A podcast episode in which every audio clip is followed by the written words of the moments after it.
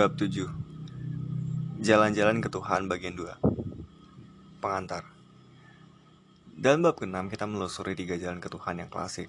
Ciri khas tiga jalan ini adalah bahwa mereka bersifat objektif. Objektif dalam arti bahwa realitas yang ada di dunia ditunjuk tidak dapat dimengerti kecuali kita menerima bahwa ada Tuhan. Namun tiga jalan ini masing-masing mempunyai kekurangan. Pembuktian ontologis tidak absah jalan kosmologis yang dari realistis terbatas yang berubah-ubah menarik kesimpulan bahwa harus ada yang mutlak tak berubah yang tidak identik dengan realitas terbatas yang berubah-ubah itu. Memang sah, akan tapi tidak membawa jauh. Belum jelas apa wujud realitas mutlak itu. Apakah personal? Baik filsuf berpendapat bahwa jalan ini tidak sampai Allah dalam arti yang sesungguhnya. Jalan ketiga, dari keterarahan di alam ke yang mengarahkan memang indah dan boleh dilalui akan tetapi tidak mutlak membuktikan adanya Tuhan. Tidak 100% dapat dikecualikan bahwa seluruh evolusi alam raya kita adalah kebetulan dan tanpa pengaruh Tuhan. Dalam bab ini kita akan menelusuri jalan yang berbeda. Jalan ini tidak lagi objektif. Jalan ini yang akan kita telusuri dari beberapa sudut bertolak dari sesuatu petunjuk dalam pembuktian ontologis. Di situ kita sudah bertanya, Apakah mungkin manusia mengerti istilah seperti sesuatu yang tidak dapat dipikirkan sesuatu yang lebih besar daripadanya?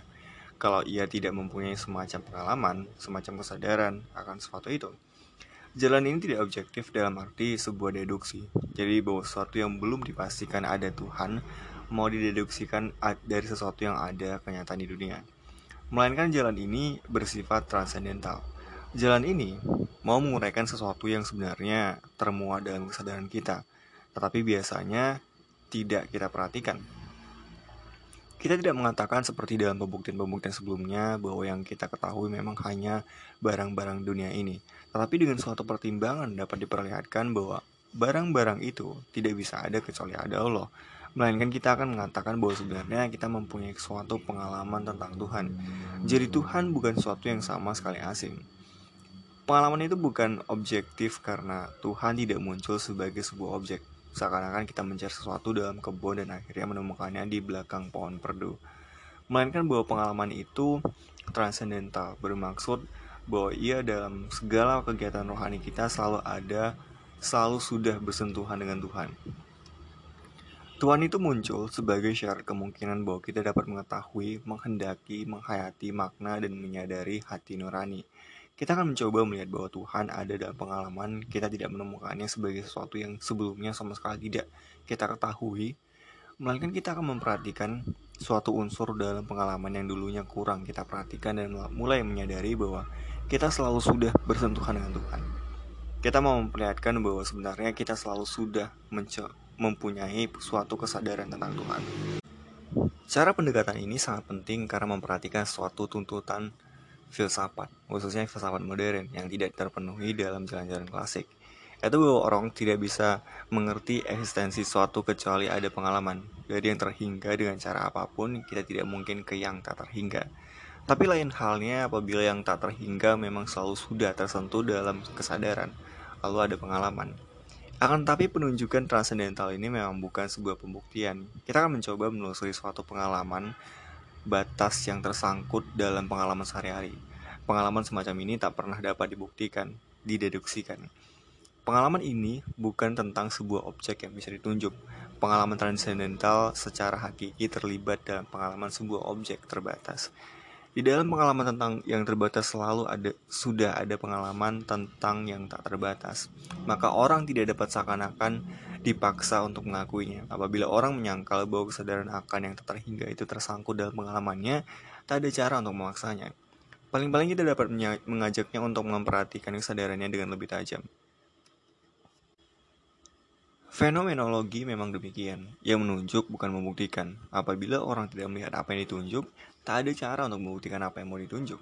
Dan kesadaran akan Tuhan ini bersifat implisit, terlibat dalam apa yang secara eksplisit, secara objektif disadari. Dan pada umumnya perhatian kita sepenuhnya tersedot oleh objek kesadaran, sehingga apa yang terlibat dalam proses penyadaran luput dari perhatian. Jalan transendental ini dapat bertitik tolak dari segenap pengalaman manusia, akan tapi saya memilih empat pengalaman atau kemampuan khusus manusia.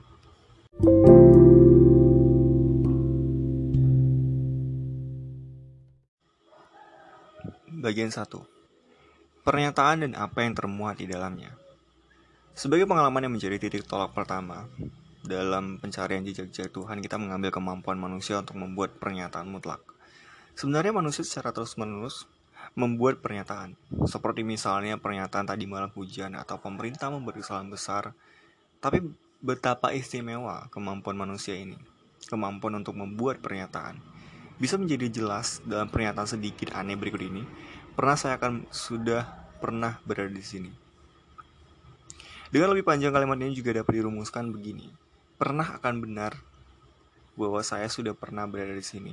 Yang begitu istimewa pada kalimat ini adalah bahwa ia tak terbantah. Tuhan pun tidak dapat membuatnya tidak benar. Misalnya, karena saya sekarang berada di sini, ini tak, tak terbantah. Maka tak terbantah pula bahwa pernah akan datang saat di mana berlaku bahwa saya sudah pernah ada di sini. Maka tak mungkin kalimat ini tidak benar. Dilihat dari sudut mana pun. Kalimat ini luar biasa karena mutlak benar. Nah, apa yang terimplikasi dalam kalimat luar biasa ini? Dapat disusun dalam lima kalimat berikut. Perhatikan bahwa pertimbangan ini bukan silogisme seperti tiga jalan klasik bab 6 tadi, melainkan eksploitasi dan pendalaman suatu kesadaran yang menunjukkan diri. Pertama, manusia mampu menyatakan sesuatu dengan mutlak. Yang kedua, kemampuan ini menunjukkan bahwa manusia selalu sudah bergerak dalam suatu cakrawala kemutlakan.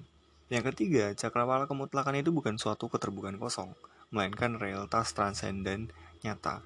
Yang keempat, realitas transenden nyata itu bukan objek pengetahuan manusia, melainkan syarat kemungkinan bahwa kita membuat pernyataan mutlak. Jadi disadari secara transendental dalam setiap kali kita membuat pernyataan mutlak. Yang kelima, maka dalam segenap pernyataan mutlak yang dibuat manusia selalu sudah diandalkan dan dibenarkan eksistensi realitas transenden sebagai syarat kemungkinan pernyataan itu. Pertama kita bertolak dari kalimat pernah saya akan sudah pernah di sini.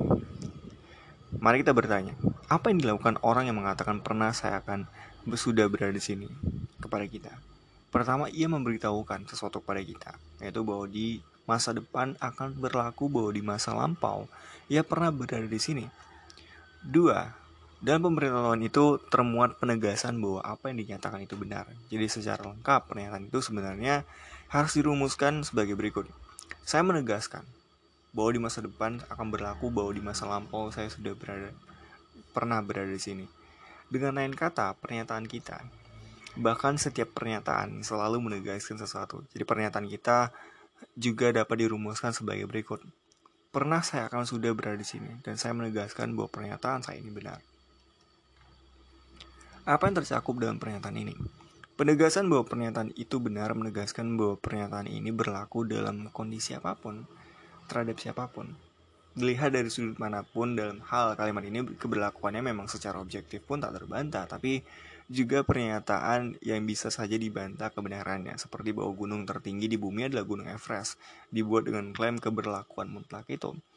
Klaim ini memuat klaim bahwa pernyataan ini dari sudut mana pun tidak dapat dibantah dengan kata lain dengan membuat pernyataan ini, saya, menyang, saya mengangkat klaim bahwa pernyataan ini mutlak benar dengan menyatakan bahwa pernah saya akan sudah berada di sini. Saya mengatakan sesuatu dengan mutlak. Dengan menyatakan suatu saya mengangkat klaim yang mutlak.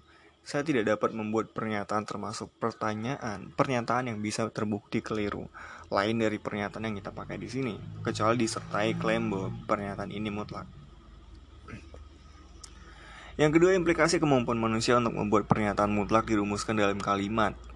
Kemampuan ini menunjukkan bahwa manusia selalu sudah bergerak dalam suatu cakrawala kemutlakan. Dengan lain kata, begitu kita menyatakan sesuatu, kita menempatkannya ke dalam cakrawala kemutlakan atau hanya karena roh manusia bergerak dalam cakrawala kemutlakan, manusia dapat menyatakan sesuatu. Berbeda dengan binatang yang terfokus pada objek ketertarikan alami, dan karena itu tidak pernah menyatakan sesuatu dan tidak mengembangkan bahasa yang dapat menyatakan sesuatu, manusia selalu ingin mengetahui apa adanya, tepatnya bagaimana sesuatu dengan sebenarnya. Dalam klaim kebenaran itu termuat wawasan atau cakrawala kemutlakan, artinya supaya manusia dapat menyatakan sesuatu sebagai mutlak, termasuk kalimat yang isinya tidak mutlak, seperti gunung tertinggi di bumi adalah gunung Everest, ia sudah harus mempunyai proyeksi, mem ia, ia sudah harus memproyeksikan persepsinya bahwa pernah ia akan sudah berada di sini. Atau bahwa gunung tertinggi di bumi adalah Gunung Everest. Pada keseluruhan realitas yang ada dan yang mungkin ada, keseluruhan realitas perlu selalu menjadi acuan atau cakrawala manusia dan menangkap sesuatu. Dan hanya karena itu, ia mampu untuk menyatakannya, mampu untuk menyatakan bahwa ada sesuatu dalam pernyataanku ini benar dan apa pun kondisi-kondisinya. Dengan kata lain, untuk bisa menyatakan sesuatu apa pun, manusia harus ber, sudah berada dalam cakrawala kemutlakan. Roh manusia harus terbuka pada yang mutlak. Yang ketiga, langkah kunci dalam pertimbangan kita adalah langkah nomor tiga. Cakrawala kemutlakan itu bukan keterbukaan kosong, melainkan realitas transenden nyata. Apa maksudnya? Sebuah cakrawala bisa kosong, sekedar garis di mana tidak ada apa-apanya lagi di luarnya. Yang penting di sini adalah bahwa cakrawala kemutlakan itu harus positif, harus merupakan kenyataan, dan tidak bisa berupa keterbukaan kosong saja. Sebuah cakrawala kosong barangkali bisa menjelaskan bahwa kita menangkap suatu keterbatasan. Misalnya, kapal tangki yang kita lihat jauh di latar belakang cakrawala, laut ke kelihatan kecil. Tapi cakrawala kosong tidak bisa menjelaskan mengapa klaim kita mutlak. Padahal pernyataan ada kapal tangki di cakrawala mengklaim diri mutlak benar. Yang diklaim adalah bahwa langit dan bumi, surga dan neraka tidak bisa membuat pernyataan ini tidak benar. Kepastian klaim ini tuh mengandaikan bahwa cakrawala yang kita aji membuat kita bersentuhan dengan kemutlakan yang sesungguh-sungguh. Kita sungguh-sungguh bisa mengklaim sesuatu dengan mutlak dan karena itu sentuhan itu harus sungguh-sungguh. Karena kita tahu apa itu mutlak, kita bisa menempatkan objek-objek yang kita hadapi. Misalnya kapal tangki itu ke dalam cakrawala kemutlakan. Jadi pada cakrawala kemutlakan kita bersentuhan dengan yang mutlak. Hanya karena roh manusia nyata-nyata mempunyai kesadaran tentang yang mutlak, manusia dapat mengacu kepadanya dan membuat pernyataan dengan klaim mutlak tentang realitas tidak mutlak yang kita hadapi. Secara ringkas, fakta bahwa manusia dapat membuat pertanyaan, pernyataan dengan klaim yang mutlak memperlihatkan bahwa manusia mempunyai suatu pengalaman atau kesadaran tentang yang mutlak. Maka cakrawala kemutlakan bukan sebuah keterbukaan kosong saja, melainkan garis persentuhan dengan kenyataan mutlak itu sendiri. Keempat, kalimat memperdalam hasil pertimbangan tadi dengan menjelaskan bagaimana yang mutlak itu diayati. Secara pendek, kemutlakan disentuh oleh roh manusia bukan sebagai sebuah objek di antara objek-objek lain, melainkan dengan dimensi dengan sebagai dimensi yang nyata-nyata terdapat dalam pengetahuan tentang setiap objek. Sebagaimana diperlihatkan oleh Kant, hanya realitas terbataslah yang dapat menjadi objek pengetahuan manusia. Karena itu Tuhan pun dipahami sebagai salah satu objek saja, di mana kita lalu menambah kata bukan. Jumlah objek manusia tidak terbatas. Apa pun dapat menjadi objek pikiran, objek pernyataan. Tak pernah kita akan menemukan suatu objek yang ternyata mutlak. Hal itu memang masuk akal. Apa pun yang merupakan salah satu objek, dengan sendirinya berkaitan dengan objek-objek lain sebagai salah satu daripada objek-objek itu, jadi bersifat relatif. Jelas juga bahwa kemutlakan terletak dalam dimensi lain sama sekali dengan yang relatif.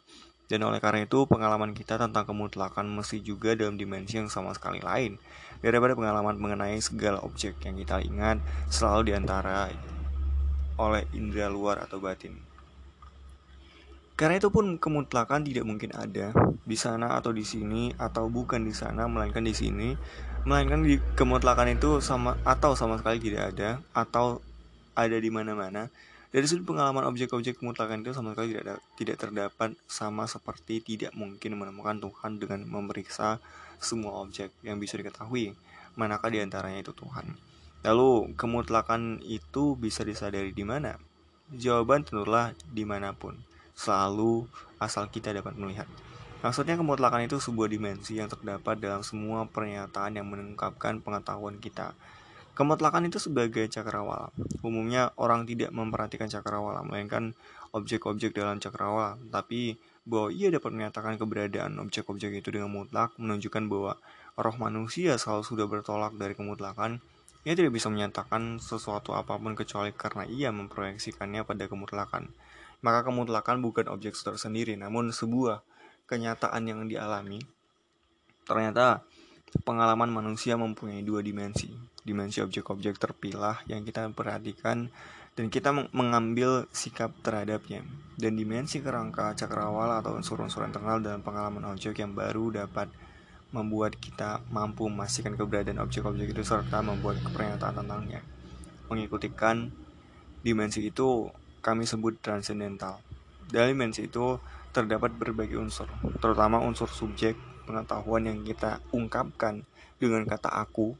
Aku pun tidak pernah menjadi objek pengetahuan kita, melainkan terlaksana dalam setiap pernyataan dan tindakan. Filsafat yang menggali realitas transendental adalah fenomena, fenomenologi, di mana yang terpenting dalam hubungan kita adalah Hegel, Heidegger, dan Levinas. Di sini hanya dicatat apa yang dapat dibaca lebih terurai pada Louis Leahy, yaitu bahwa tidak ada pemandangan Allah langsung dalam filsafat disebut ontologisme yang mutlak tidak menjadi objek, melainkan ikut disadari sebagai cakrawala pengetahuan tentang objek-objek, sebagai syarat kemungkinan pengetahuan itu. Anggapan bahwa asal kita mau memperhatikan batin kita dengan lebih teliti, kita akan menyadari bahwa kita melihat Tuhan, dan bahwa itulah asal-usul agama tidak dapat dipertahankan. Gagasan bagian ini dapat dirangkum lagi sebagai berikut. Kemutlakan tidak dialami sebagai objek, melainkan sebagai dimensi dalam pengalaman dan segenap objek. Sebagai syarat kemungkinan segenap pernyataan tentang objek apa pun sebagai realitas transendental. Yang kelima, kalimat nomor lima menguraikan apa yang termuat dalam kalimat nomor empat bahwa roh manusia betul-betul bersentuhan dengan yang mutlak. Jadi bahwa memang ada yang mutlak dan yang mutlak itu merupakan realitas transenden. Kita telah melihat bahwa manusia dalam seluruh kehidupan rohani, yang di sini dibatasi pada kemampuan untuk membuat pernyataan, selalu mengacu pada yang mutlak. Bahwa yang mutlak itu bukan sebuah keterbukaan kosong, melainkan sebuah realitas karena apabila acuan pada yang mutlak menjadi dasar kemungkinan untuk menyatakan keberadaan dari sesuatu apa pun, acuan itu harus nyata. Sekarang kita bertanya, yang mutlak itu apa? Jawabannya adalah yang mutlak itu satu dan transenden bahwa yang mutlak itu hanya mungkin satu adalah jelas. Begitu ada dua-duanya, dia tidak lagi mutlak, melainkan terbatas dan terkondisi oleh yang satunya. Setiap batas meniadakan kemutlakan karena sesuatu yang terbatas dari sudut batasnya tidak ada, jadi tidak mutlak ada. Itulah keberatan dasar metafisika terhadap teori-teori dualistik. Kedua yang mutlak itu transenden, dan tentu juga transendental. Ini pun jelas, di satu pihak yang mutlak itu lain sama sekali dari objek apa pun yang kita temukan dalam pengalaman objek-objek kita secara prinsipal lain. Yang mutlak adalah yang lain terhadap yang ada dalam lingkup pengalaman objek-objek dan justru karena itu tidak dilihat keberadaannya kecuali diberi perhatian khusus. Jadi yang mutlak itu transenden, tetapi karena itu yang mutlak juga imanen dalam segala apa yang ada. Segala apa yang ada muncul sebagai relatif tetapi roh manusia, roh manusia dapat menyatakannya secara mutlak. Artinya segala objek relatif itu hanya bisa dikatakan keberadaannya karena kita menangkapnya dalam cakrawala kemutlakan sebagai yang tidak mutlak dan itu berarti bahwa dalam penangkapan realitas relatif selalu mudah tertangkap realitas mutlak. Karena transendensinya itu sekarang menjadi lebih jelas sesuatu yang dalam pertimbangan pertama tentang keterbatasan dan kemutlakan belum jadi cukup jelas. Bahwa yang mutlak tidak mungkin merupakan alam semesta dalam keseluruhannya, ataupun salah satu dimensinya. Alam semesta dengan semua dimensinya tetap termasuk kategori objek, sesuatu yang dapat kita ketahui. Alam semesta dengan segala dimensinya pun hanya dapat diketahui dalam cakrawala kemutlakan, jadi tidak sama dengan kemutlakan. Jadi pertimbangan ini membuktikan Tuhan. Lebih tepat dikatakan bahwa pertimbangan ini bisa merupakan jalan ke Tuhan. Tuhan tentu lebih dari sekedar kemutlakan dan orang harus mau atau mampu melihat unsur mutlak dalam kehidupan rohaninya agar mata budinya terbuka bahwa ia selalu sudah bersentuhan dengan Tuhan. Kalau kita mengambil gambaran cakrawala tadi, maka Tuhan itu sebagai objek berada di belakang cakrawala itu. Maka Tuhan di hidup ini tidak menjadi objek langsung pengertian manusia. Tapi cakrawala itu tidak kosong, melainkan seakan-akan menunjukkan pantulan sinar yang mutlak. Dengan menyentuh cakrawala itu, kita merasakan kemutlakan sebagai pantulan dan rasa itulah dasar mengapa manusia sadar akan Tuhan dan mencarinya jauh sebelum Tuhan sendiri membuka rahasianya dan menyapa manusia dalam wahyu. Bukan hanya karena cakrawala kerohanian kita bersentuhan dengan yang mutlak, yang mutlak dapat menyapa kita atau lebih tepat kita mampu menjadi alamat sapaan yang, yang mutlak.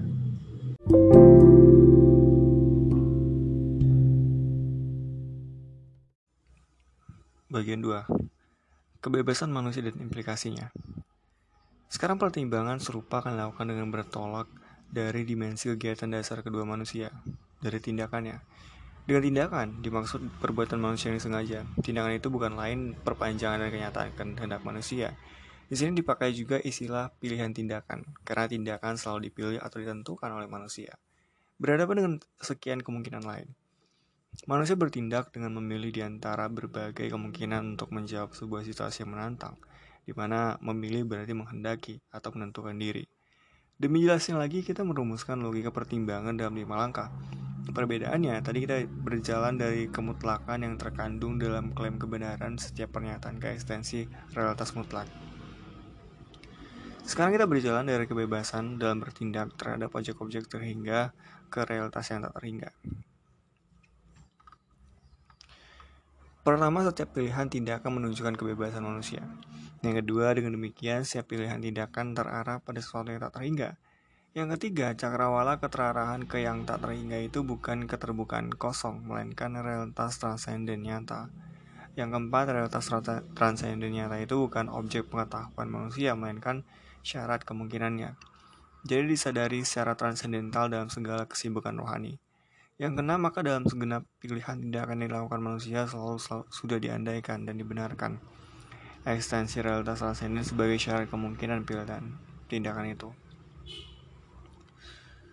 Penjelasannya adalah sebagai berikut. Pertama, mari kita bertolak dari contoh sebuah tindakan. Sang pelukis Ayub yang baru saja disajikan ayam goreng yang masih hangat memutuskan untuk membuat lukisan tentangnya. Jadi, ia memilih melukis ayam goreng itu daripada memakannya. Seperti tadi, kita bertanya tentang syarat-syarat kemungkinan, tentang unsur-unsur transendental yang termuat dalam tindakan ayam itu. Pertama ia menyadari bahwa meskipun ia lapar dan ayam goreng itu kelihatan gurih, ayam goreng itu terdapat dibuat macam-macam. Misalnya dapat juga dikasih makan sama anjingnya. Ia bernafsu makan, tapi ternyata ia bebas untuk mengambil sikap terhadapnya. Adalah Karl Marx yang menangkap kekhasan manusia yang terkandung dalam kenyataan ini. Manusia berhadapan bebas dengan produknya, binatang berproduksi hanya menurut ukuran dan kebutuhan jenisnya, sedangkan manusia berproduksi menurut ukuran setiap jenis dan di mana-mana memakai ukuran objek yang inheren. Oleh karena itu, manusia berproduksi menurut hukum keindahan. Dimensi estetis terbuka bagi manusia karena ia dapat menghadap objeknya dengan bebas, maka dapat mengambil jarak dan memandangnya pada dirinya sendiri. Dengan demikian, dua, manusia selalu harus memilih dan memutuskan apa yang mau dilakukannya. Tak ada objek apa pun yang langsung mengikatnya, sedangkan binatang seluruhnya ditentukan oleh naluri. Terhadap segenap objek manusia, harus mengambil sikap, padahal sering ia tidak merasa netral, melainkan tertarik padanya atau sebaliknya. Namun bagaimanapun juga, ia harus menentukan sikapnya. Itulah yang kita sebut bebas. Kebebasan eksistensial terhadap segenap objek manusia itu bebas. Yang kedua, apa implikasi kebebasan itu? Pelukis Ayub bebas dalam arti bahwa ia tidak harus tunduk terhadap ketertarikan vegetatif kuat untuk makan ayam goreng itu. Kalaupun ia langsung makan ayam itu begitu saja, hal itu bukan sesuatu yang otomatis, melainkan merupakan sikap yang diambil.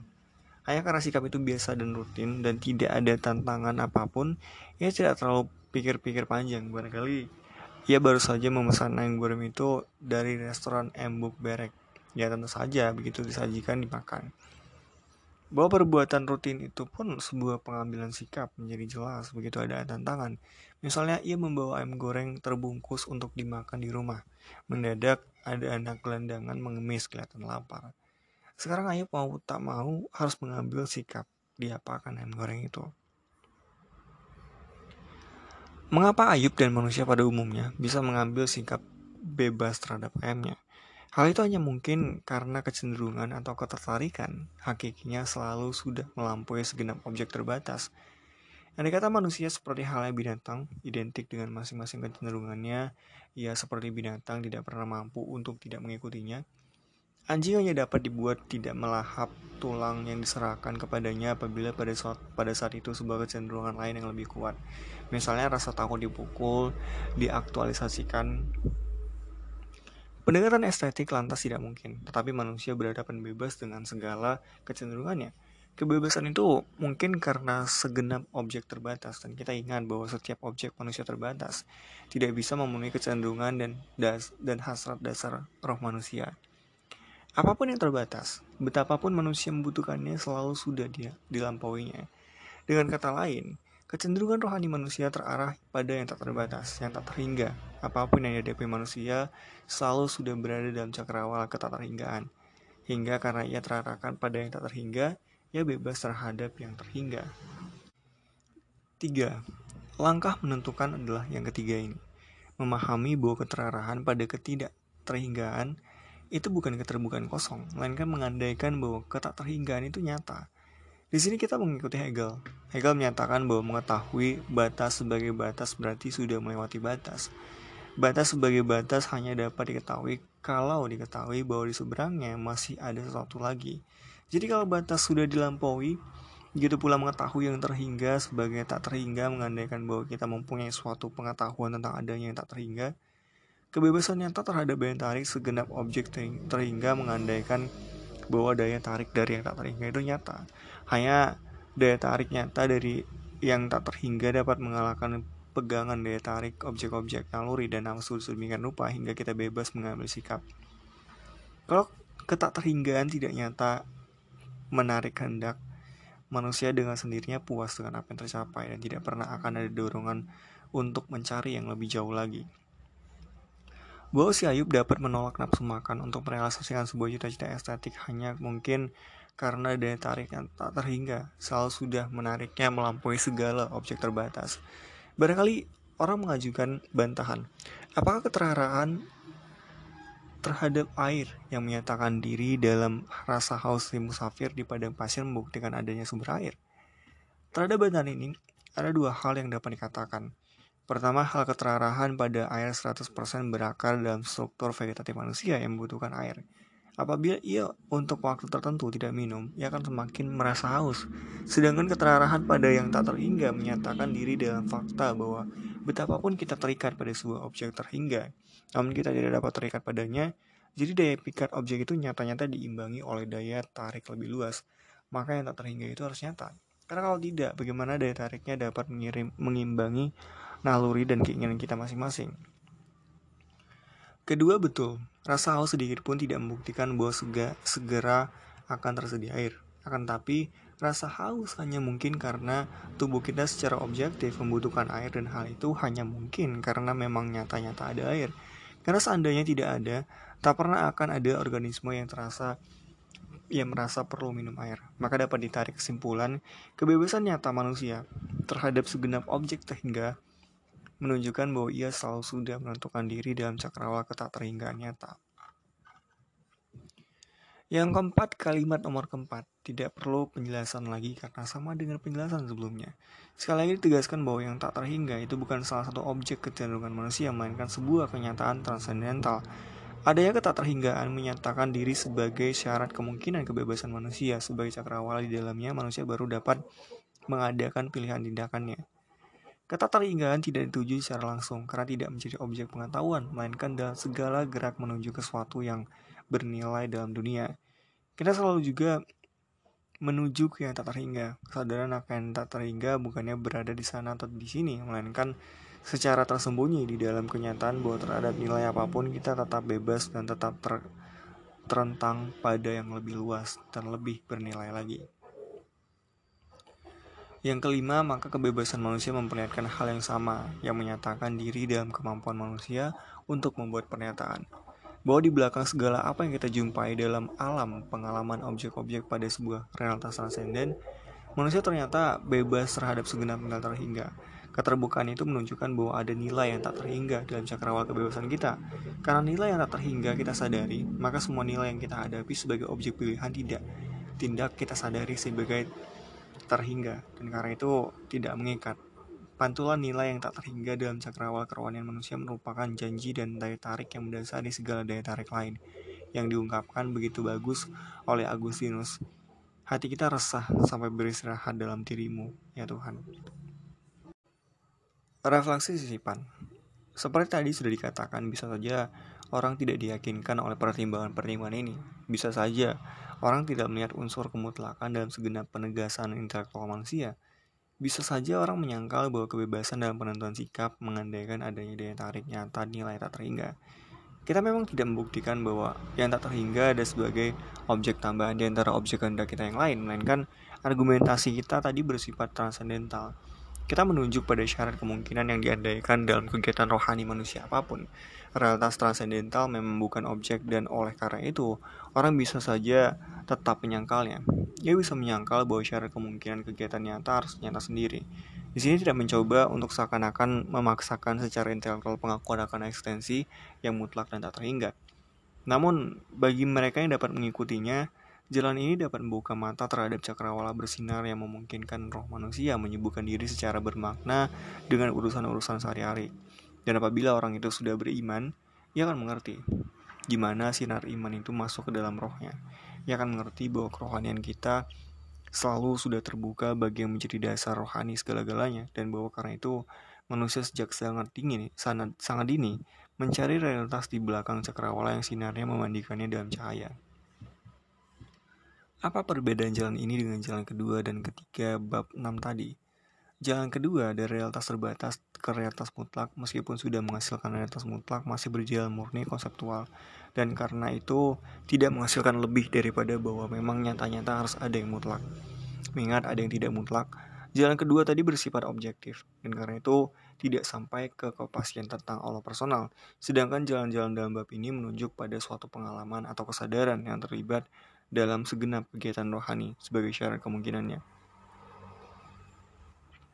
Jalan ini tidak lagi semata-mata konseptual, yang ilahi ikut disadari dalam menghadap objek-objek dunia, kemampuan untuk mengklaim kebenaran dan untuk bersikap bebas menunjukkan acuan nyata pada yang mutlak dan tak terhingga.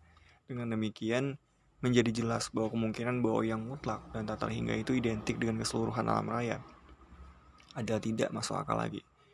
Kebenaran dan kebebasan sudah meninggalkan segala alam fisik jasmani yang mutlak dan tak terhingga hanya mungkin sebagai kenyataan transenden rohani. Memang itulah yang kita sebut Allah. Sedangkan jalan ketiga tadi, dari keterarahan alam ke sang, pe sang pengarah, meskipun indah namun orang bisa mengelak. Lain halnya jalan lari dinamika kerohanian manusia. Jalan ini tidak lagi memungkinkan penjelasan lain. Pernyataan penghayatan nilai terhingga merupakan kenyataan positif yang dialami bukan sebuah kesimpulan, tapi karena kesadaran ini bukan objektif, melainkan transendental, orang dapat menyangkal bahwa ia mempunyai pengalaman itu.